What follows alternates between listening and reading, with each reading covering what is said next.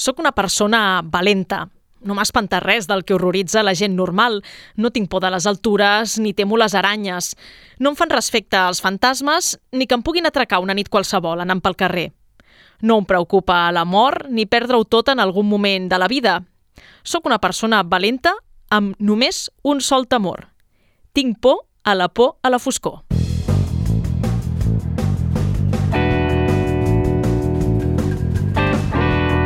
Quimèric, amb Karen Madrid. Benvinguts al Quimèric. D'horror n'hi ha de molts tipus, des del que es viu en pròpia pell, els túnels del terror, com els de Horrorland, a la sensació que ens transmeten novel·les i productes audiovisuals.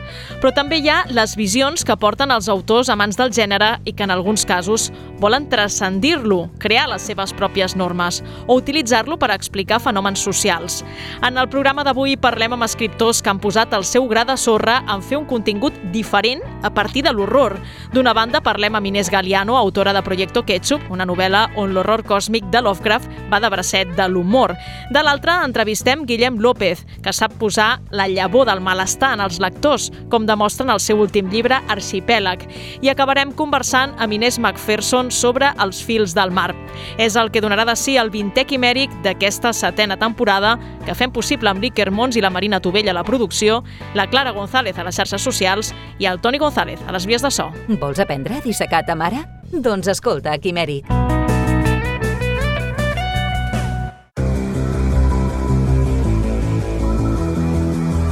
Notícies del Fantàstic. I avui que parlem d'horror, ens volem fer ressò d'una notícia d'Horrorland, perquè sembla que no para de guanyar premis, de rebre reconeixements, i acaba de guanyar un nou premi a l'Esquercon, que ja han, ja han fet publicitat d'això. Ja no, ja, Merescut. No sé quants en tenen ja, perquè Molt- no hi ha masses. programa que diem premis d'Horrorland. A veure, això el manté en els parcs temàtics més top de terror, quan a més falta molt poc perquè compleixi el cinquè aniversari d'aquesta iniciativa. I pensar que el van tancar, eh? És que és fortíssim, Les eh? van passar putes, eh, amb la, amb la pandèmia, I aquí estem, i aquí estem. Continuant parlant de Horrorland com Déu mana. Home, um, jo t'he de dir que les entrades de la següent temporada ja estan a la venda. No, Sí. eh, mentre parlem ja no, s'han esgotat. Home, no ho sé, però... Capaç. A més, hi ha una oferta de llançament. Fins, Ah, sí? a, fins al 12 de juliol és més barat. Anda, Per tant, ens hauríem d'anar plantejant si repetim la nostra experiència a Horrorland. home, jo crec que repetiria, no? Ens, eh, ens vam quedar amb, amb túnels que veure. És cert, és cert. Uh, pels oients habituals del Quimèric ja sabeu que fa unes quantes setmanes vam escoltar un muntatge d'un dels túnels del terror. Uh, la nostra reacció va ser Intensa. Jo anava a dir lamentable, però bé. Bueno, patètica, Són, són, sí, mane sí. són maneres de- d'enfocar la situació. I, I clar, no volíem acabar la temporada, que queden molt pocs programes, sense Acaba de publicar-los, acabar clar. d'escoltar-los. I en tenim un altre que precisament és el que anava després del que vam escoltar fa uns dies. O sigui, el que nosaltres vam fer just després. Clar, partíem de la taquicàrdia que vam patir no? en, en la Survival Maze aquesta, mm, on les meves ulleres van volar, on a tu et van donar un cop de... És que va ser on jo, salvatge. deixar, on jo vaig deixar el meu micro Sí, sí. i vaig marxar Ma- i després el karma va fer que a mi em matessin de seguida perquè, clar, no es deixa un company allà. Em vas vendre? Sí, totalment. I, poder? vaig sí, morir Sí. perquè m'ho mereixia. I ja està. Llavors, és una mica el missatge còsmic de- d'aquell túnel del terror. Si marxes com una covarda, et maten. El que hauria estat bé és que sobrevisquessis tu per poder dir xinxa, Chúpate esa. por lista. Va, vinga, anem a escoltar el muntatge. Um, es tracta del túnel caníbal i era una de les novetats eh, d'aquesta d'aquesta edició. Sí. Doncs vinga, anem a escoltar-la. Doncs estem aquí a la cua del caníbal. Tens alguna experiència amb els caníbals? Cap ni una. Més enllà de veure... Com es diu aquella pel·li de caníbals? Holocausto. caníbal. Holocausto Bueno, caníbal. és que vinc a acordarme. Nada, de nada. Estàs preparada No per fugir sé. de caníbals? No ho sé. Vale. Jo després de fugir dels assassins en sèrie d'abans m'he quedat tocada, eh? L'adrenalina m'ha costat de baixar i encara estic molt suada. Les meves ulleres s'han recuperat? Tot bé? Sí, sí. Menys mal no que han està- quedat molt apartades i no les ha trepitjat ningú. Exacte. Tothom necessita una hòstia ben donada en algun moment de la seva vida. Ah, Ah, ah. Convertiràs això en un meme del Quimèric? Espero que sí. Ja que ho fem, ho fem expressament, no com altres. Aquí fiques l'efecte de l'hòstia. Mira, mira, mira. Hemos tenido un accidente de avión, ¿sí? Y no sé dónde están mis compañeros. ¿Me ayudáis? Sí. Vale, antes de entrar. Necesitamos luz Tener primero. mucho cuidado. Vale. No sabemos quién hay ahí dentro. Vale. Venga, vamos. A ver, yo tengo una intuición, creo que son caníbales. No os separéis. Ay, Eh, ¿Estamos en Viven? ay, hay mucha vegetación, me está dando en la cara. Y la vegetación también. Vale, va, no nos separamos, no te preocupes. Tutun, tutun, tutun. Oh, mierda, ya nos separan.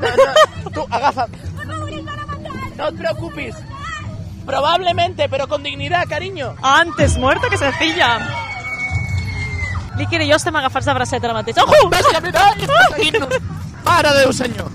Faran sopeta amb nosaltres, perquè gaire cosa més no faran. ¿Qué te ha pasado? ¿Qué te ha pasado? ¿Qué te ha pasado? ¡Nos han secuestrado a todos! ¡Se nos han comido! Pero tú sigues viva. He podido escapar. He podido escapar, pero vendrán. ¡Corre, corre, corre! Vale, de momento bien. Vinga, hemos, va. hemos superado a la loca. A ver si superamos a los caníbales. Corre. Extremitats pel terra, estaques decorades amb caps... Això és un kayak? Sí? Mira no sé bé. fa aquí. Eh, tenemos a un, un caníbal delante. ¿Cómo actuamos? Yo tengo un bastón. Pégale, tío, pégale. Dale fuerte. Vale, esquiva los corazones. Buenas tardes, corre. Eh? Ah, ¡Ay, qué fàstic! Ah! Almenys era un caníbal educat. ¿Algo que decir? Primer contacto entre los humanos y los caníbales. Se va, se va. Se ha ido, se ha ido. Vamos a, vámonos nosotros también. Pero no me grites, por favor. Mira, aquí tenim una persona penjada, eh? Ha estado disacada. Ataca los Ojo, pies, que ¿eh? le gusta mi pantorrilla. Continúa. Hòstia, espera que ve una altra, eh? Nos han entregado un corazón. Hòstia, està bueno. Gracias.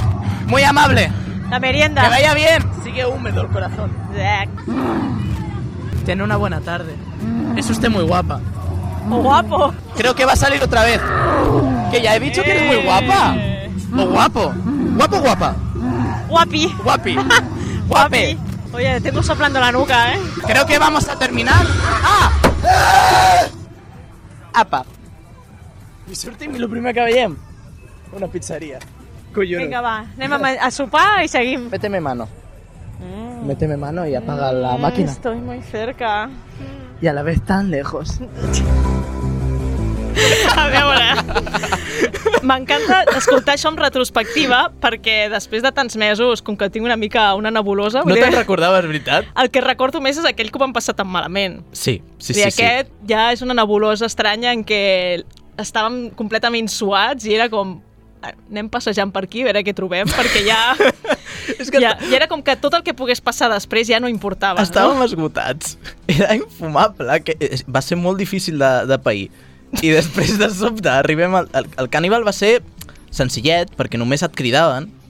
I, bueno, ja Crec que és, difícil, és un túnel però... per gent de, de gustos senzills.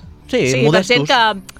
Un túnel del terror de, bueno, un sustet per aquí, però tampoc em vull despentinar, saps? Clar. No és com l'altre que dius, moriré avui. Exacte, No. esquives boges, caps rodats, i després surts i et menges una pizza. Que ens la vam menjar, eh, la pizza. Oh, que bona sí, estava. Sí. I, I la pizzeria estava just al costat de l'extrem. Sí? Que també era molt graciós veure la gent com la despullaven abans d'entrar a l'extrem. O sigui, el primer extrem, que vaig anar jo fa 5 anys, eh, et despullaven dins de l'extrem Aquí no. i sorties amb boles, però en aquest cas ja és com, no, no, tu ja amb boles entres i ja Aquí a la- veure el- què passa, saps? què pot salir mal? Aquí la vergonya te la deixes posada? No! Home, Aquí te la treus tota. Jo faré una confessió, aprofitant que la meva parella no escolta el quimèric. A veure, va, Ah, dispara. la meva parella va anar a l'extrem de fa 6 anys, 5 anys, i va sortir... Uh... A veure, a veure. És que ara estic, estic tement que feu un reel d'això, llavors ho acabi veient, però vaja. Va sortir completament amb boles, Vale. uh, davant, en unes escales que donaven al menjador on tothom estava sopant, tothom vull dir unes mil persones, i tenia com tot de coses enganxades al cos, no, no facis dir que era, no vull saber. O sigui, era com, com si fos avena quin resseca i enganxada, um, Oh. coses de colorins, plomes... Sí, quan vam arribar a casa Quina imatge. va ser... Què tal la dutxa? a- a- bueno, van haver plomes a casa meva molt de temps, perquè era com... anaven sortint plomes de tot arreu. Uh, rascant així, amb l'esponja, i no marxava. I va ser com... Ahí no volveremos nunca más. Llavors, òbviament jo no entraria en aquest extrem ni l'altre, perquè Ja. vista l'experiència, no? Però clar, quanta gent vam trobar que ho vam posar al principi de la temporada, que anava a Horrorland només, per l'extrem. Exacte. I el, coi, i el, el gaudien, eh? Oh, i tant. Allà amb la seva dèria. Jo el que els agradi amb ells, eh? Jo no em ficaria aquí. És que estàs pagant, saps? Perquè, Exacte. perquè et facin no, això. És que o sigui, Pagues perquè et martiritzin. clar, nosaltres, mira, anàvem, acreditat, pilotes. anàvem acreditats i mira, l'ensurt, doncs no passa res, però... La pregunta és, tu pel proper Horrorland vols arriscar-te? No, ja ho he dit que no. Va, doncs ja està, doncs, doncs passem al següent. Tu sí? No. Ah, val. Bueno, Bueno, però- perquè si però- t'arrisques porta, porta la grabadora i volem saber a temps real. Sí, amb la, De, Go- a- vale, me han metido la cabeza dentro del váter. amb la GoPro, no? De sobte, en algun moment, eh, se'm cau la tovallola i la titola pa pam pam. Una imatge viral. No, no, és, és el que necessita aquest programa. Fer el ridícul més. Això, Sakura i veure'm en pilotes Però és que és l'únic. però és que Sakura ja ho has fet, Iker. O sigui, saps què vull dir? Ja has passat una frontera molt perillosa. Vale, però puc fer Sakura i al- a l'extrem? Però vestit de Sakura? Tot és proposar-ho, eh? No sé si trauran la roba quan entris. Jo vaig Sí, veure la sí, gent amb sí. boles a l'entrada. Tu menjant la pizza, saps? I la gent allà... Mmm, Mm. m'estàs sin camiseta. Total, que l'any que ve torna, Sí. Horrorland, serà el tercer any que és a Isla Fantasia, que les entrades ja estan a la venda i que espavileu, perquè si no, si no pillareu catxo. Exacte. I no sé si hi ha altres iniciatives d'aquest tipus, eh, perquè s'estan copiant molt, no?, d'aprofitant aquest tirón i aquest èxit de, de Horrorland. Les haurem d'investigar a fons. Sí, però jo em quedo amb la qualitat, eh?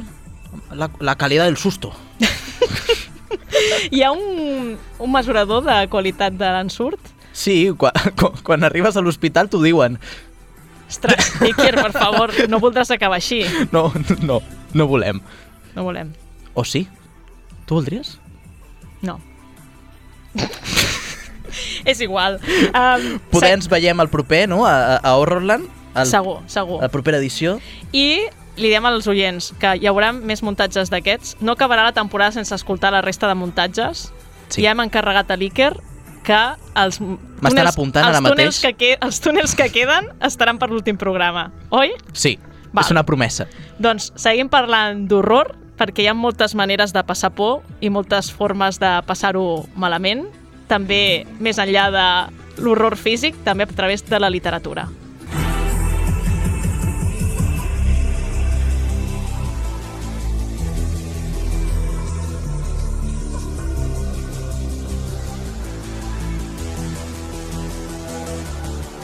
Quimèric.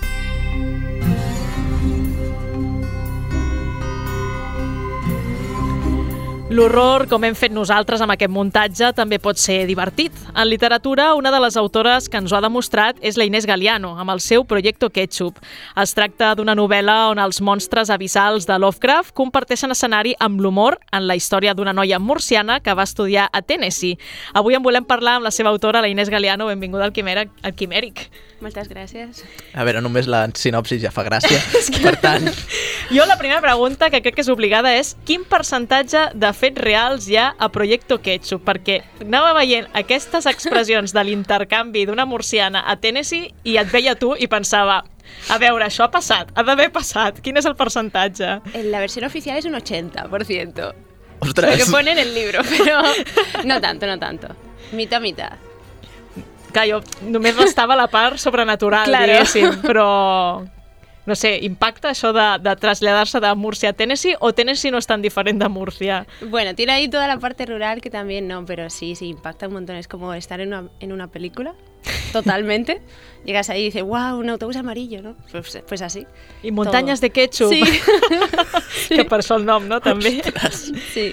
La història de l'alumne d'intercanvi ja funciona per si sola. Per què vas voler-hi posar la part del fantàstic? Vull dir, és per, per la teva passió per al fantàstic o és perquè tenies ganes d'anar un pas més enllà, també? Sí, por, por un lado porque yo escribo fantástico, es lo que me gusta, pero no, sobre todo, es- era la primera vez que escribía algo que me había pasado, o sea, con hechos reales, y pensaba que escondiéndolo con monstruos se van a enfadar menos la gente. Ah, perquè Sí. hi, ha, hi ha gent... Vull dir, Sí, que els sí, personatges sí. són tal qual. Ostres! Hay, pe- hay gente real, sí. Li has canviat el nom almenys o no? Sí, sí, sí, sí, pero se reconocerán igual. Pero bueno, sí, la idea era llevarlo así un poco por la fantasía para que no fuera tan... Però estan a Tennessee? Eh, algunos sí, algunos no. estaban- Ui, ui, puede haver un Hi ha altres, eh? igual. probabilitats que hagin llegit el llibre, Exacte. no? Almenys la, el col·lectiu espanyol, no? O Puede hispano, vaja. perquè L'espanyola Sí, crec que sí. només eres tu, no? La, Sí. Almenys en el llibre. Sí, sí, yo creo que los principales no hablan castellano, así que estoy salvada por ahora. Cap problema. I l'humor el contemplaves? És a dir, parties de la idea de anem a fer, ficar humor o eh, anaves fent la història i et donaves compte que la, la història per si mateix ja era d'humor? Eh, claro, toda la, la experiencia para mí fue muy, muy cómica, muy absurda toda, todo- toda mi estancia allí. Què faig aquí, no? Sí, un poco así, sí, totalmente. Desde el primer momento que me bajé del avión fue como todos estos bosques, estoy muy perdida. Pero sí, cuando me planteé escribirlo, sabía que quería hacerlo desde el punto de vista cómico y estuve documentándome cómo hacer parodia de terror, así, bueno, documentándome, vi- viendo pelis. que es lo que... Evolution estava entre aquestes pel·lis o no? no, ¿cuál? No? Evolution. No, esta me la he perdido. Ah, que, és, que és una pel·li de- d'extraterrestres, però t'estic parlant d'una pel·li dels 2000, eh? Vale, vale. Però clar, clar, també l'entorn... O sigui, el meu link mental va, saltar Evolution quan llegia Projecto Ketchup, tot i no, no sé la temàtica igual, però la manera d'enfocar la història m'hi va fer pensar. Llavors dic, bueno, potser si ha vist aquesta pel·li, algun element hi ha per allà, no? Però... Qué guay. No. Sí, sí. sí. Um, no sé si quina relació tens amb Lovecraft, perquè, clar, sí que veiem uh, els monstres de Lovecraft, sí que els veiem reflectits en aquesta història. Sí, me, no sé, tenía algo de... Me atraían bastante, aparte porque, bueno, si has leído mucho fantástico, te, te atrae todo esto. Y sobre todo me daba mucha, mm, como este vibe de pueblo pequeño, rural, que tiene muchas historias de Lovecraft son así, de pueblitos, y era muy de esto. Y luego también me hacía mucha gracia eh, llevarlos al extremo cómico y es un poco como meterme un poco con Lovecraft, la verdad. Això vam preguntar, Sí. si era si li tenies afecte a Lovecraft o realment volies uh, carregar-te Lovecraft. Sí, me lo quería cargar, lo reconozco. Per les seves creacions o per la seva persona? Perquè tots sabem que és un personatge polèmic. Sí, por la persona sobre todo, sí. No, y también, bueno, esto era uno de mis miedos en realidad. Cuando ya escribí todo pensé en los fans de Lovecraft, se me van a echar encima igual con esto, pero... ¿Ha I ha passat? passat? No, no. De momento no. Los fans más fans me has dicho, bueno, no, no te hacía falta Lovecraft aquí. Digo, bueno, bueno. I tu, bueno, ho decidiré jo que per algú escric jo la novel·la, no? Sí. I clar, a part dels elements de Lovecraft, també hi ha aquest uh, element sobrenatural de fantasmes. A veure, com has encabit això aquí? Sí, bueno, como la, la mayoría de, de historias así de terror, una casa encantada y llega. Entonces, es que tenía, tenía todos los elementos, porque allí en la residencia de estudiantes, con los pasillos a oscuras, es que era total de... Aquí fantasmas me tienen que, que entrar y... Fantasmes, monstruos- fiestes i alcohol. Sí, total. El que passa que jo aquests fantasmes em recorden una mica els de Harry Potter. Ah, sí. Sí. Esto igual inconscientemente. Per aquest element no de dir, són fantasmes que t'haurien de fer por, però al final no te'n fan, perquè formen part de la universitat i de, entre cometes, del mobiliari, no? De dir, vienen, vienen con, la, con la casa, no? Es cierto, es cierto. I tenen també un caràcter així cachondo, no? Sí, sí, es verdad. Ara és com, ostres, No lo había pensado. s'ha filtrado Harry Potter en mi novela. és inevitable, Sí, suposo. totalmente. I també, doncs, uh, deies això, no?, que havies vist moltes pel·lis de, de terror uh, i humor per documentar-te, però és que realment uh, veiem moltes picades d'ullet aquestes pel·lis festivaleres, no?, d'aquells comportaments irracionals dels personatges que dius, què fas? Pa allà no, pa allà! Doncs uh, suposo que això també era... Volies fer aquest homenatge a la gent que ens hem tragat Sí. coses que dius, no té cap mena de fonament, però ho estic veient a totes les pel·lis de terror. Sí, sí, era totalmente un cliché tras otro, ¿no? De hay un ruido, voy a bajar al sótano. ¿Por qué? Exacto. Sí, sí. Que això et fa ràbia, tu, de les pel·lis? Vull dir, no sé fins a quin punt és com a Lovecraft de dir, vaig a carregar-m'ho, o fins i tot ja després d'una No. filosofia de dir... Esto era mira. más con cariño, porque son estos clichés que que sí, que en el momento estás como, ¿por qué hace eso, no? Pero es la gracia también. Si no, no hi hauria pel·lícula. Exacto. en veritat, Bàsicament. No? Sí. Creus que els fenòmens que, que presentes a la teva novel·la, els paranormals, de Lovecraft, eh, també podrien passar a Múrcia? Perquè és que crec que et van fer aquesta pregunta al 42 eh, i la persona que te la va fer crec que no havia llegit el llibre per, la, pel com anava orientada la pregunta, però jo t'ho pregunto tu, a Múrcia també hi ha mostres, hi ha fantasmes, hi ha aquesta... Creo que pegaría mucho también allí un tipo de historia. De hecho, me lo han dicho, puedes hacer ahora una americana que viene a Murcia y le pasa Eh, al contrario. Home, Múrcia vist des d'algú de fora també ha de tenir el seu què, eh? Sí. La Clara s'està partint. Em sembla que deu haver anat a Múrcia sovint. és que la seva família és de Múrcia. Ah, Ara ho entenc tot. Jo no he anat mai a Múrcia, per tant, no tinc cap mena de prejudici sobre què hi ha a Múrcia. No. No. O sigui, per mi és com Teruel, no existe, saps? És com, està en un mapa, però no tinc cap mena de... pre- No sé, no sé què hi ha a Múrcia.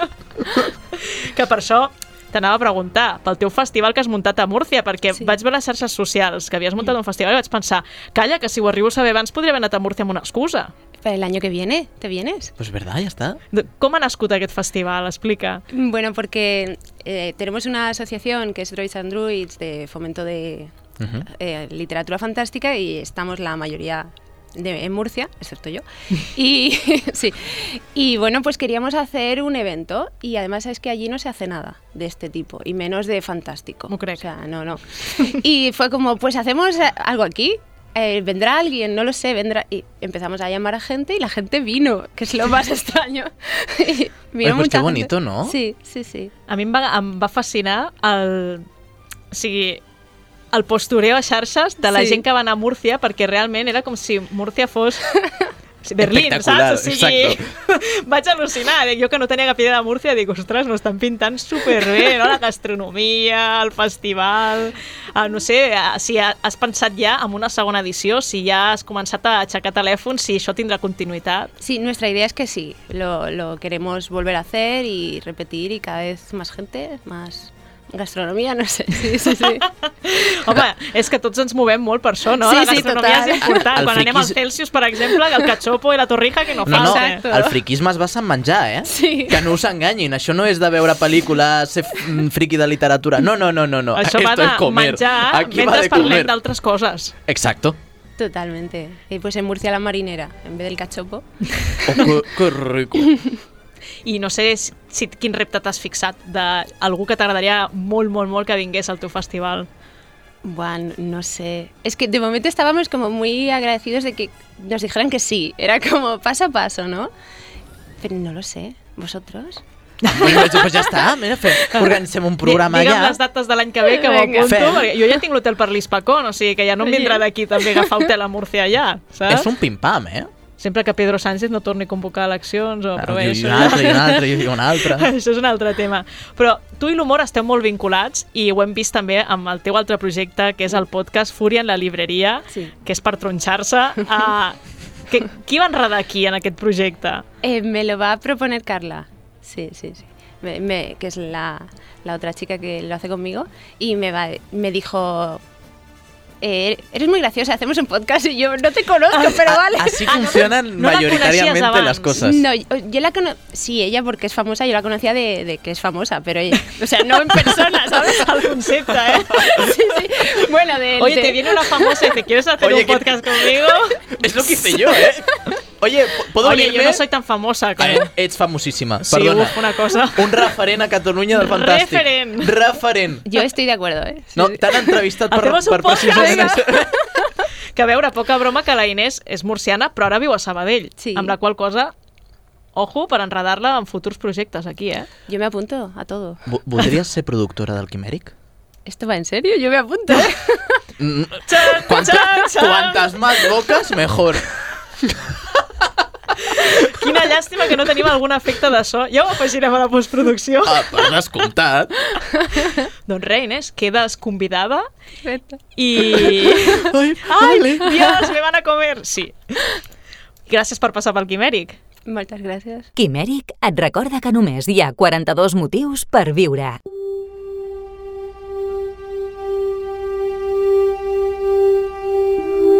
Però també hi ha una altra manera de presentar escenaris d'horror, com a fets insòlics enmig d'una total quotidianitat. Aquesta és l'especialitat del valencià Guillem López, com ens acaba de demostrar en el seu últim llibre Arxipèlag. Es tracta d'una novel·la curta que ens planteja l'aparició d'unes illes enmig de València que es desconeix ben bé què són, però que les persones que s'hi troben ja no tornen mai més i es donen per mortes. Aquest horror quotidià també el veiem a Lago Negro de tus ojos, on un llac també feia de portal a una realitat desconeguda. Avui en parlem amb el Guillem López. Guillem, benvingut al Quimèric. Hola, bona vesprada, moltes gràcies. Aquest horror quotidià era un plantejament que ja t'havies fet prèviament al llarg de la teva trajectòria o les històries que has explicat al final han acabat en aquesta parcel·la? No, bueno, jo crec que sí que és veritat que m'he anat acostant a mesura que avançava la meva carrera, m'ha anat interessant més per el tema de l'horror. Sí que és veritat que n'hi ha una progressió, però ja de, fa, ja de fa unes quantes novel·les crec que el tema de l'horror quotidià, gairebé des de Aranyes de Marte al 2017, que ja començava a tocar, si no acostar-me a la literatura estranya i a l'horror quotidià, com has dit tu, o a literatura més fronterera entre gèneres, de qual m'ha això, no? un text més realista, per dir-ho d'alguna manera. Que no sé si el fet de que aquests elements d'horror passin en el mig del dia a dia, en aquesta quotidianitat, en aquesta realitat tan propera a la nostra, fa que també sigui més punyent pel lector, perquè sap que això li podria passar demà a ell. Sí, bueno, clar, perquè bàsicament la, la, és, és com dius tu, no? la base és totalment realista. Realment és eh, el que estàs veient és una història que podia passar en qualsevol context, però que de repent tenim un succés que és totalment extraordinari. En, en Arxipèlag, realment, perdó, no, és, no, és, no està dirigit realment cap a l'horror, però sí que és cert que la estranyesa provoca una sensació de, si no d'horror, d'inquietud en el, tant en el lector com en els personatges, davant d'un fet que no poden comprendre de cap manera. I que posa un poc en perspectiva també, perquè això té un poc de relació també amb el típic de l'horror còsmic, no? Quan un, quan un fet et posa en perspectiva al personatge i també al lector en la seva pròpia existència. Mm -hmm. Mm -hmm. I d'on surt la, la idea d'escriure Arxipèlag? D'on treus el primer germen? Ostres, jo no m'havia preguntat mai. La veritat és que no ho tinc molt clar, no recordo ben bé d'on va néixer, eh? La veritat és que no ho recordo molt bé. Suposo que, suposo que perquè és una obra totalment postpandèmica i suposo que el, el, L'origen estaria, jo el buscaria ahir, a la pandèmia i sobretot a la, al que va passar els mesos de després de la pandèmia, uh -huh. perquè és quan, quan ja va, se va assolir un poc tot el que, el que, el que van madurar allà, no? el que van passar. I d'això és un poc del que parla també Arxipèlag, de la separació, d'estar lluny els uns dels altres, de la contradicció que suposa realment estar connectats a totes hores mitjançant xarxes, aplicacions, etc, d'estar de, tan connectats i alhora estar tan lluny els uns dels altres, de, de, de, de la mancança de cures, de la possibilitat de dedicar-nos més temps als nostres éssers estimats. Mm. I crec que naix d'ahir, i això és totalment, eh, tot això, un sentiment postgènic. Ara m'has fet mm, pensar en una relectura no? o sigui, d'un dels elements no? que és a, aquestes illes, no? aquests immobles que pel que sigui doncs, passa alguna cosa i ja ningú torna a sortir d'allà o la gent que entra doncs, no torna a sortir. Amb aquesta lectura pandèmica també em fa pensar no, en això de la gent que saps que està en el seu edifici, que està en el seu immoble, a casa seva, però que és, és inaccessible, no? Que, que la teva germana està a dues illes de tu, però no podràs contactar-hi, no? no hi podràs parlar. O fins i tot el, el que envien a, a l'hospital a, a algú i no el tornis a veure. Exacte. No ho havia pensat, sí, clar, eh? Sí, bueno, és que Arxipèlag, malgrat que és una novel·la molt curteta, eh, sí que vaig treballar en molts nivells de capes de lectura. I crec que això és un dels atractius del llibre, realment. Malgrat que, ja t'hi dic, és molt curteta, té 100, no sé si arriba a 130 pàgines, realment. Eh, I una de les capes de lectura, tot just, és doncs, la, aquesta separació que parlàvem, però també el sentit dels miratges, no? que és que realment els personatges principals, que són aquestes tres xicones que estan en un terrat mirant, mm, que són les úniques que poden veure el que està passant allà dintre d'aquesta illa que, que ha aparegut a València, bueno, n'hi ha moltes illes, diguem que la ciutat s'està desintegrant en aquestes illes, doncs el que veuen realment, finalment, és una, és una normalitat.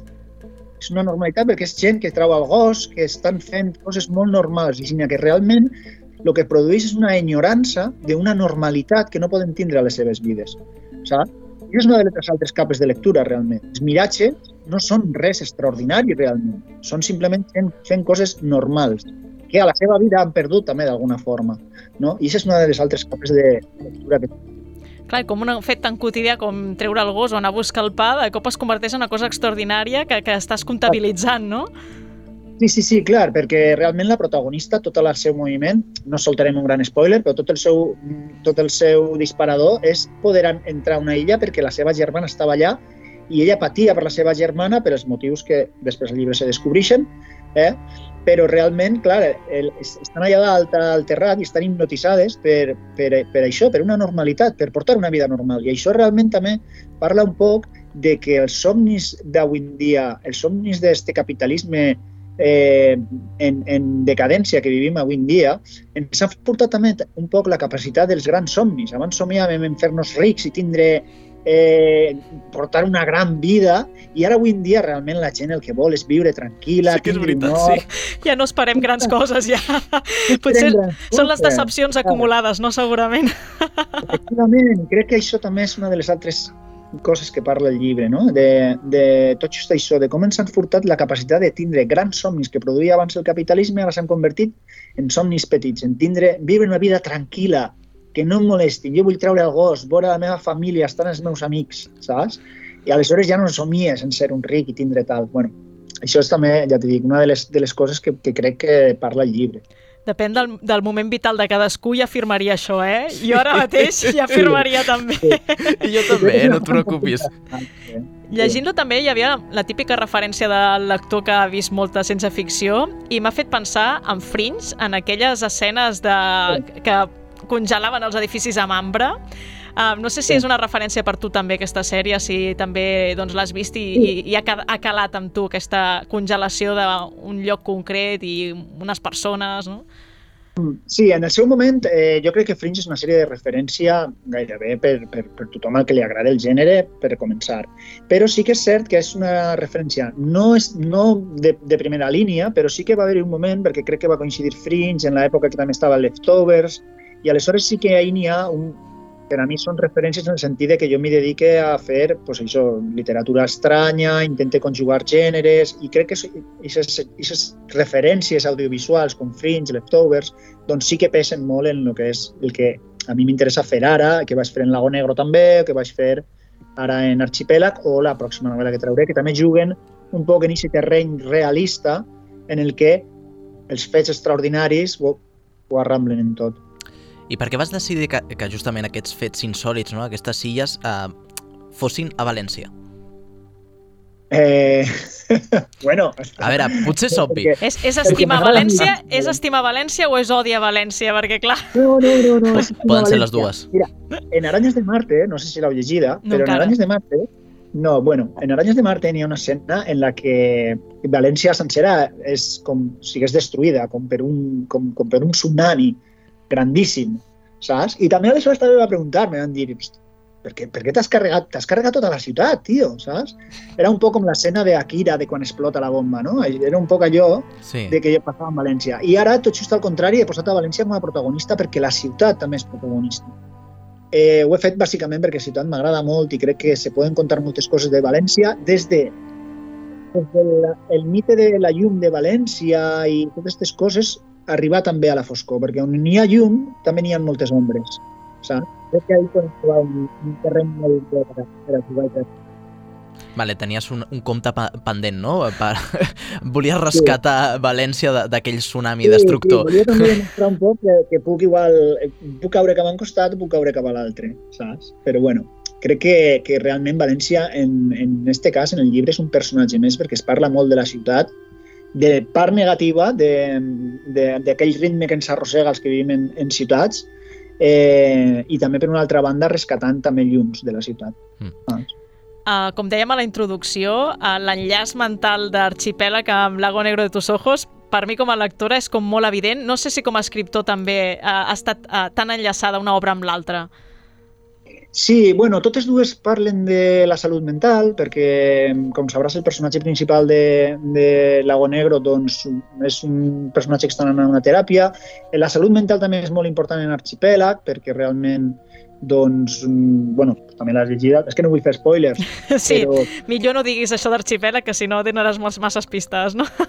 clar, no, però bueno, ja del principi se sap que la, que la personatge doncs, també està donant a teràpia, que ha passat per un fet, un fet traumàtic, vull dir que, que totes dues obres sí que posen en el centre també el tema de la salut mental, mm, no des dels tòpics del, del que està, té un problema mental i aleshores mm, fer un slasher, saps? Sinó d'una altra mirada, des d'una altra pers perspectiva, saps? Posant-lo com a, com a un problema produït per buscant les causes i buscant també possibles solucions. I crec que això és el que passa bàsicament a aquestes dues darreres novel·les. I també és, és un tema recurrent, també estaven en Aranyes de Marte, el tema de la salut mental, de, de la superació del dol, que també apareix en Arxipèlag. Crec que són coses... De totes formes, eh, Arxipèlag és una novel·la més personal. Crec que, que connecta amb un altre tipus de públic que no és l'habitual meu, també Mm -hmm. saps? Crec que el gènere està, és més paral·lel, d'alguna forma. Està, sí, clar, i tant que està, és molt present, però crec que és una novel·la més personal, més íntima, i... perquè me tocava temes més personals, també, ja t'he dit, molt postpandèmica.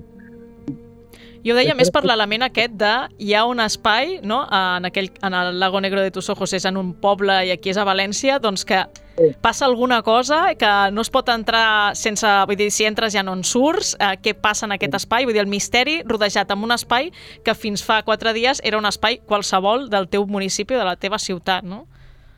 Sí. Bueno, clar, en, realment això és, el, és la teoria del no espai, no? Són llocs en els que són portals, per exemple, que són llocs en els que, doncs, la teoria del no espai és que, que són llocs que són de pas i aleshores no tenen personalitat pròpia i ens canvien a nosaltres també, no? Eh, en, en Lago Negro, doncs, aquests llacs eren portals a alguna altra part del sistema solar, no se sabia què passava, aquí són miratges en els que pots observar des de fora el que estàs veient allà dintre, però què passa si entres al miratge? Te quedes allà dintre, desapareixes, no se sap gairebé bé, saps? Però bueno, sí, són, són realment són portes obertes, saps? I una porta oberta sempre és una invitació a passar o a no passar, saps? Vull dir, és, al final sempre queda ahí la pregunta. Què fas? Passes? No passes? Què ocorrirà? Saps? Eh, com a símbol, la porta és una cosa que en literatura, doncs, en literatura i en qualsevol art, doncs, porta molt temps utilitzant-se, perquè és un símbol molt poderós, que ja per si mateixa ja implica una pregunta. Mm -hmm.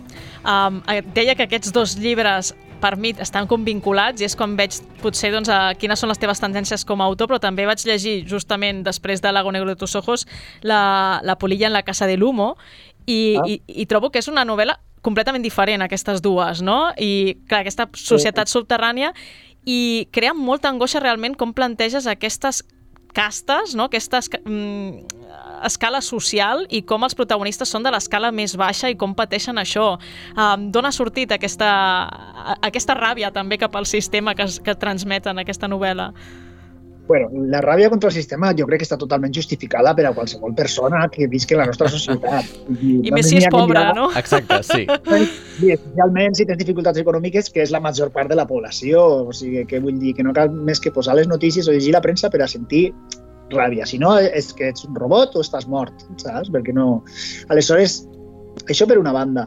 Després, totes les meves obres també tenen una lectura social, tal volta Arxipèlag, eh, Lago Negro, tenen molta, i en este cas, com dius tu, La polilla en la casa de l'humo, doncs va ser una novel·la que en el seu moment, doncs sí, va néixer d'aquella ràbia, és una novel·la que sí que destaca un poc de la meva producció més habitual perquè és, diguem, més weird, més fantàstica, en un món fantàstic totalment que no és... Té paral·lelismes en el nostre, tal volta, però ja juga totalment en el terreny del, de la insomniació fantàstica.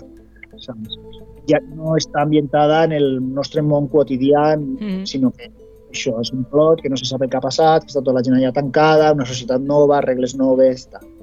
Però tal volta sí que destaca molt per això, perquè siga no la més fosca, la més crua de la meva producció.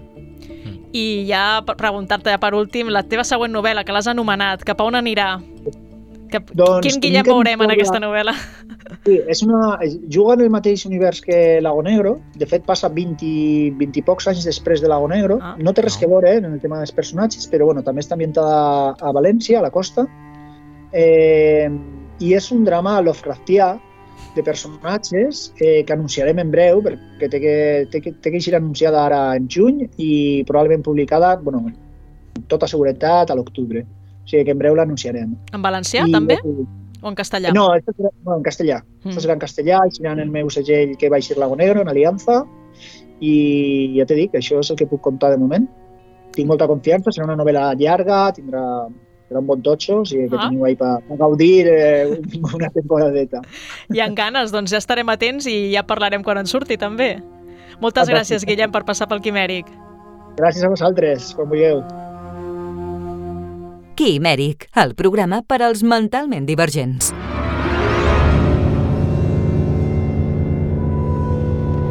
Hem començat amb humor, hem seguit amb insòlid i acabem amb l'horror explicat a través de la mitologia i de metàfores. És el cas de Els fils del mar d'Inés Macpherson, on els monstres de Lovecraft també hi són ben presents, però amb una fixació cap a les dones d'una població costanera. Inés, benvinguda al Quimèric. Hola. L'entrada dels Fils del Mar és molt poètica i fins que no comences a explicar les històries de cada una de les dones del poble tenim la sensació d'estar entrant en un somni. Ho has fet perquè el lector accepti tot el que passarà a continuació? Uh, bona pregunta, ara que ho dius. Eh, no, uh, sí que hi ha una part d'això. Hi havia, jo tenia moltes ganes de poder introduir uh, el lector sobretot en un paisatge, en un concepte d'espai, més que res per, um, perquè com que els llocs per on passarien els personatges són importants, mm, tenia ganes d'anar com introduint, i també perquè era una forma de, de veure petits, petites picades d'ullet a coses que anirien passant, però de forma com més suau. Però sí, home, és una manera d'introduir-te en un món que ja saps que li ha passat alguna cosa però no saps què i era una, una porta d'entrada. A mi també m'ha semblat una porta d'entrada a la teva passió pel mar. Sí, de- d'ensenyar-li al lector a mi m'agrada el mar, m'agrada la costa i el que us explicaré partim d'aquí. Eh, bàsicament, o sigui, en, en el fons, o sigui, aquest llibre és l'excusa per poder parlar molt del mar, molt de les roques, de les roques i del mar, de les pedres, de la manera en què el mar acarona la, la terra i per mi és un... Jo he crescut eh, veient el mar, jo he crescut trepitjant molta roca i molta pedra, de fet, o sigui, amb els anys vas aprenent no? a, a com col·locar els, els peus perquè no et facin mal i sempre he trobat que la comunió d'aquella pedra, que a més a més és una pedra de, de la Costa Brava que està molt nua i que la forma en què el mar i ella dialoguen doncs, té una cosa molt màgica. He vist molts lectors per xarxes socials aventurar-se a dir quin poble és. Ah, sí? És un poble real o és un poble que has creat per Està la història? inspirat en un poble real, no, no, no direm... No, o sigui, a veure, no, el, el que passa en, en la novel·la no està basat en fets reals, no? D'acord? O sigui, no hi ha cap poble, no, no ens posem rotllo Shirley Jackson, no, no és allò de en quin lloc d'Estats Units passa això? No, no, no, no anem per aquí. Jo diria en quin lloc de la Costa Brava, directament, eh? Ja, jo vaig acotant, ja. És Costa Brava, és Costa Brava. El que passa és que la idea era fer mm, com agafar llocs que a mi m'agraden molt del poble i de l'entorn i, a- i unir-los, unir-los tots, no? O sigui, al final és un lloc que no existeix, per tant està ficat una miqueta en el tema del no lloc, Uh -huh. però, eh, perdó, eh? al, al final és un, és una, és un homenatge. Jo he fet un homenatge a la meva infantesa, al meu amor al mar, com dius tu, i en el fons també la casa dels meus avis. Ah, també. Sí. Algú sap on viuen els seus avis? Sí, obrim la meva. No penso dir el nom del poble, que ho sapigueu. Però diguem-ne que sí, que els meus avis, quan van morir, al final del cap d'uns quants anys es va vendre la casa, de fet fa pocs anys que es va vendre la casa i vaig dir, doncs anem a agafar aquesta casa i la anem a fotre en algun lloc on a més a més hi hagi el mar i on, i on aquest concepte de les històries estigui important. No? O sigui, Donar-li una memòria. Sí, i diguem-ne que hi ha tota una sèrie d'elements del principi Uh -huh. Que les cases que apareixen són fragments de casa dels meus avis. Ah. Llàstima que no coneixem la casa dels avis, eh? Ens quedarem amb això, la Això intriga. és, això és eh, allò, mm, picada d'ullet personal per mi. Ja està. Parles d'homenatges, n'hi ha un altre que també el veiem i també s'ha parlat per xarxes socials, que és la manera que esculls per explicar les històries d'aquestes dones, d'aquesta població, Mhm. que es basa molt en, en el que és la tradició oral. Era un homenatge també a aquesta professió teva de, de narrar històries, de, de posar-te davant d'un públic i, i transmetre aquestes històries? Sí, sí, sí. Està, està, això està molt buscat perquè al final la forma en què expliquem les històries és molt important. És, és el que construeix un imaginari real o mític i, i aquí hi havia un punt de, de també parlar com normalment si expliquem sempre una mateixa història es quedarà fixada i les altres històries, les que no tenen veu, van desapareixent i vaig voler agafar aquest, aquest concepte de poder-li donar veu a les dones, aquestes dones que no tenen veu, i eh, sí que tenia moltes ganes també de d'això, no? de, de filar històries, que en el fons és una cosa de les que fem quan narrem històries en, en, en espectacles i aquestes coses de la narració oral. Precisament parles de les dones que no tenen veu, una lectura que fem, sobretot les dones, no, dels fills del mar, és, és el missatge feminista. Uh, no sé, les dones que, que presenta són dones que han estat víctimes, que han patit una repressió molt gran, sobretot en aquest moment de ser de noia a dona, de nena a dona. Um, també volies denunciar com, com el fet de ser dona acaba sent penalitzat i com a vegades no tens les eines com per entendre tu mateixa què és ser dona fins que ha passat molt de temps.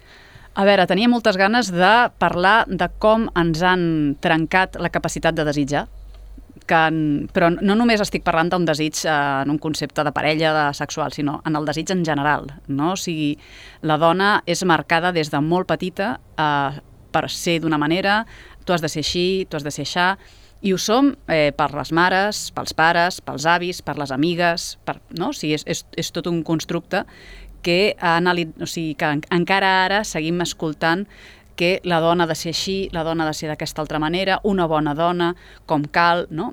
I tenia moltes ganes de treballar la manera en què eh, no és només el concepte masculí el que ens marca, sinó que també hi ha una gran feina, per desgràcia, per part de les dones que seguim eh, trepitjant, eh, marcant, encotillant a les altres dones. I per què a la pubertat? Perquè és el moment en el que es desperten tots els desitjos, en general, i que vols explorar, i que si l'únic que et trobes són barreres que t'estan dient que tot això no ho pots fer, tu t'acabes ofegant. I com la persona que planta cara al sistema acaba sent completament desterrada, rebutjada, maltractada o tot el que ens ens acudeixi en negatiu, no? Sí, és, uh, clar, això és, uh, en el fons, una de les coses de, del, del monstruós femení, per exemple. Molt sovint, a la literatura, la dona monstruosa és la dona que o té molt desig o, o no accepta les normes i llavors hi ha un concepte aquest d'aquesta monstruositat que per una banda hi ha un desig cap a ella perquè és interessant, però per una altra banda l'hem de castigar perquè és diferent, no? I també per això hi havia un punt de també poder jugar amb, amb aquest concepte. El Fantàstic t'ha servit per poder fer aquesta crítica d'una manera que potser eh, des del realisme no podries fer? Jo sóc molt defensora de que el fantàstic et permet precisament anar més enllà de, de la realitat, per, o sigui, agafar les coses de la realitat i portar-les a un extrem. Eh, si parles del que es parla al llibre des de la realitat, no pots portar-ho a un espai on faci mal. O sigui, sí que fa mal, però hem d'anar més enllà. Per què? Perquè ja hem vist que el mal que es fa a la realitat no serveix de gaire perquè la gent ni, si reflexiona no ho reflexiona massa perquè jo encara he de sentir a moltes dones dient no, però si la violència de gènere no existeix. Dius, ah, d'acord, d'acord, molt bé. Per tant, porta-ho a l'extrem, fes mal, fes mal. I potser, no sé, no? Si t'hi poses allà, doncs potser tam també et farà mal a tu, o no. Però a mi m'agrada el fantàstic per això. A qui has anat a fer mal? Mm? A qui has anat a fer mal? A, quin públic volies fer mal? A tothom. Uh, si podia ser a tothom. No, perquè... a les dones també? Sí, sí, perquè hi ha un, hi ha un punt de que no ens acabem de... O sigui, no, no ens acabem de ser d'atrevir, per una banda, i les altres eh, segueixen sense adonar-se'n del mal que fan.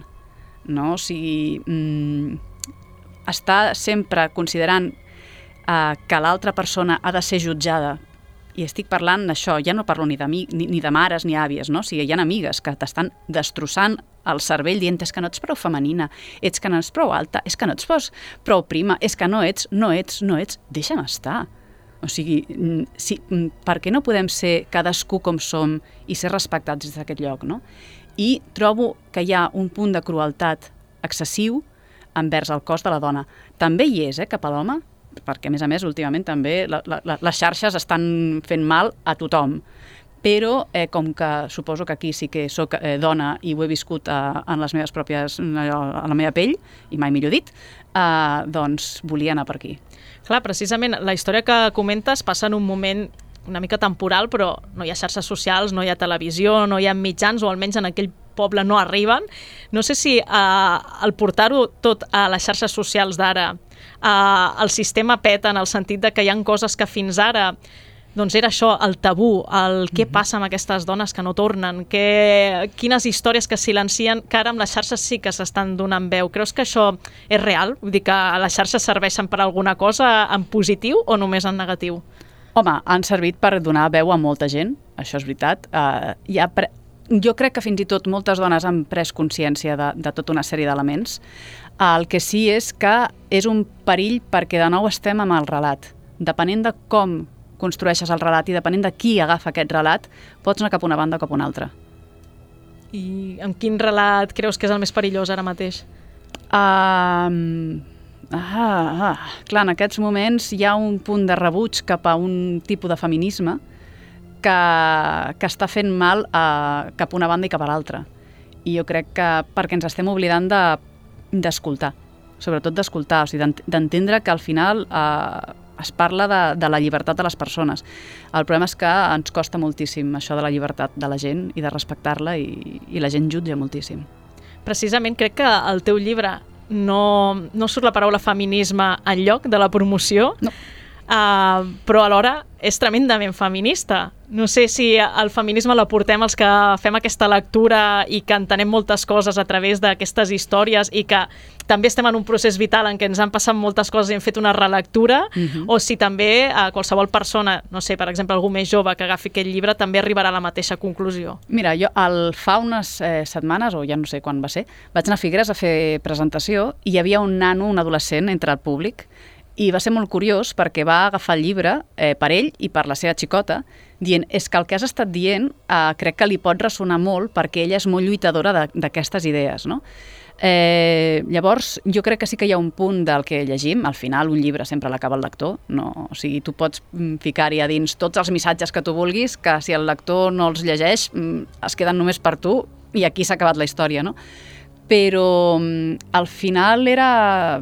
Jo vaig fer un relat que sí, o sigui, sí, hi ha feminisme, però sobretot era el, el, aquest punt de, de com construeixes, no? O sigui, que si jo t'estic dient sempre que això és un monstre, això és un monstre, això és un, això és un monstre, acabaràs veient un monstre. Si dius aquí no pots entrar, no pots entrar, no pots fer, no pots fer, això s'acabarà sent real, no? Si a tu et diuen, és que les dones són més dèbils, per què? Per biologia. I tu van repetint 40.000 cops, al final diràs, ah, és clar que sí. I d'aquí no et mouràs i ho convertiràs en llei. I això, al final, és com estem construint moltes coses dels relats en, en el sentit de les relacions o del gènere mateix. Es pot anar més enllà de les dones, no?, el, el missatge que dones, perquè eh, el que planteges és una societat que no et deixa fer el que tu vulguis, mm -hmm. no? Perquè has de casar-te a tal edat o de fer-ho d'aquesta manera, um, no et pot agradar per exemple, no? l'exemple que tu poses a, a nivell metafòric, nedant al mar, mm -hmm. no? Eh, clar, és un posar límits que això ens afecta a tots, no? I ens Totalment. interpel·la a tothom, no? Tothom li posen mm -hmm. uns límits. Uh, volies fer una crida també a, a treure aquestes cotilles i a dir, no, no, jo vull fer la vida que jo vull fer i m'importa un bledo quina etiqueta em posin mm -hmm. i quina, com, de quina manera em jutgin sí que hi havia un, un punt de, de...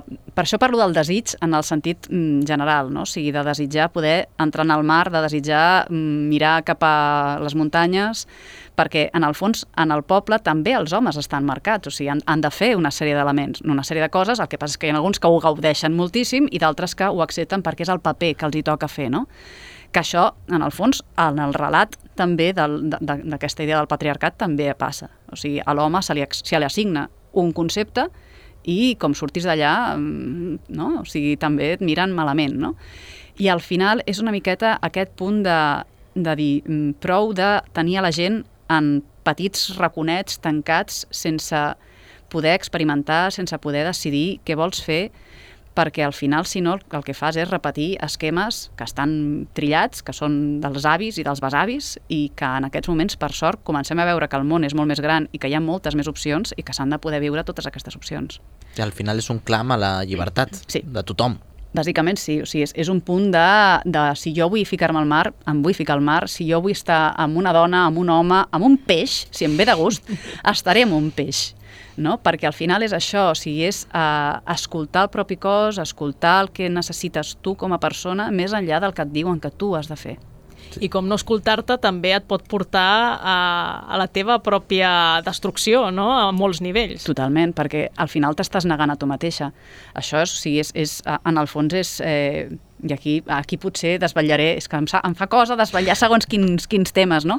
Però sí que el, la feina de treballar amb el cos és perquè eh, estem molt acostumats a, a imaginar-nos el que els hi passa al cap, però el cos pot ser un bon lloc per reflexar la forma en què tu t'estàs trencant, no? o tu Mm. mm. estàs intentant canviar i no deixes a canviar. No? Mm. Mm. Hi ha, per exemple, un conte de, perdó, de la Jacinta Escudos que es diu eh, Cabeza de serpiente, que comença dient jo havia nacido para ser serpiente, però acabé siendo mujer.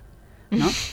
I què passa? Tinc Que el, ca- putada. tinc, el, no? tinc el cap ple de serps i podria ser serp i, per tant, ser lliure i desitjar com una serp i m'ha tocat tenir l'instint de serp, però l'instint de dona també, i com que estic en aquesta hibridació, mm, tinc un problema perquè no sóc ni una cosa ni l'altra.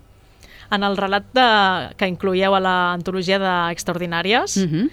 Tu feies una reflexió sobre la superficialitat, el, Mhm. aquesta imatge que mostrem al món, i aquí el tornem a veure. Um, volies fer una crítica també que, a, a aquest món superficial que tenim, a aquestes imatges que projectem i, i el que som en realitat i el que hauríem d'acceptar que som? Eh, no havia buscat jo el paral·lelisme amb, amb el conte de nit, però... uh, no, a veure, uh, sí que reconec que, mi- és que m'interessa molt la forma en què podem expressar qui som a través de la pell, del cos, no? O sigui, i qualsevol manera de poder portar una miqueta a l'extrem eh, m'agrada. En aquell conte sí, hi havia punt de, de crítica a la imatge, però sobretot a la forma en què ens, ens neguem no? O sigui, ens, ens estem... En, si tu sempre t'estàs tapant, no? sempre estàs negant una part de tu mateix, en algun moment sortirà. I pot sortir... Molt malament. Molt malament. Ara que estàs rebent els feedbacks, no? perquè ja porta unes setmanes aquesta novel·la circulant, t'ha arribat feedbacks d'homes? Quina lectura en fan de, dels fils del mar? Sí que m'ha arribat feedback, eh, no gaires, sobretot han estat dones, però sí que he rebut algun d'homes. Um, la veritat és que el, va agradar, ha agradat, o sigui, en aquest sentit, el, bueno, clar, em, em fa cosa dir el nom, però uh, uh, és, bueno, va ser molt curiós perquè se l'ha llegit ell i se l'ha llegit ella, són una parella, no? Mm? i uh, coincidien en segons quines coses, uh, en, el, en el tema feminisme i coincidien, coincidien també amb el tema de la violència, perquè clar, sí que n'hi ha, i als dos els hi agradava la forma de tractar la violència. No? Que això era, o sigui, a, a, aquesta manera de poder mostrar portant aquesta violència que bueno, hi és, uh, de, co- de com posar-la com un mirall a, a les actituds que tenim. És un bon exercici de, parella, pa- eh, sembla. Sí, Podria ser-ho, no? Podria, podria ser... una- lle- Llegeix-te això, carinyo, a veure què en penses, no? I depèn de què en pensis, Potser- parlem-ne, parlem-ne. No, no, però la veritat és que sí, que va ser maco perquè a més a més s'ho van currar, va haver-hi un feedback brutal. No, no, o sigui, em van estar explicant moltíssimes coses els dos. Doncs a veure què vas rebent a mesura que aquesta novel·la vagi circulant, que em consta que ja heu fet un, algun club de lectura, alguna presentació, Presentació, sí, sí, hem fet, hem fet, farem cosetes. i esperem poder parlar amb tu ben d'hora, també, per futurs projectes. Merci. Gràcies, Inés, per passar pel Quimèric. Gràcies a vosaltres.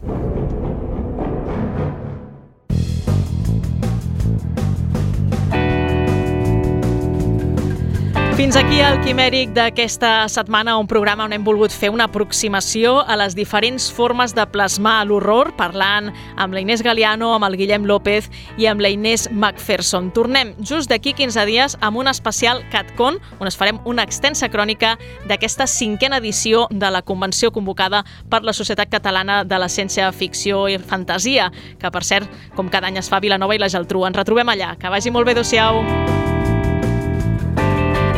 Quimèric, amb Karen Madrid.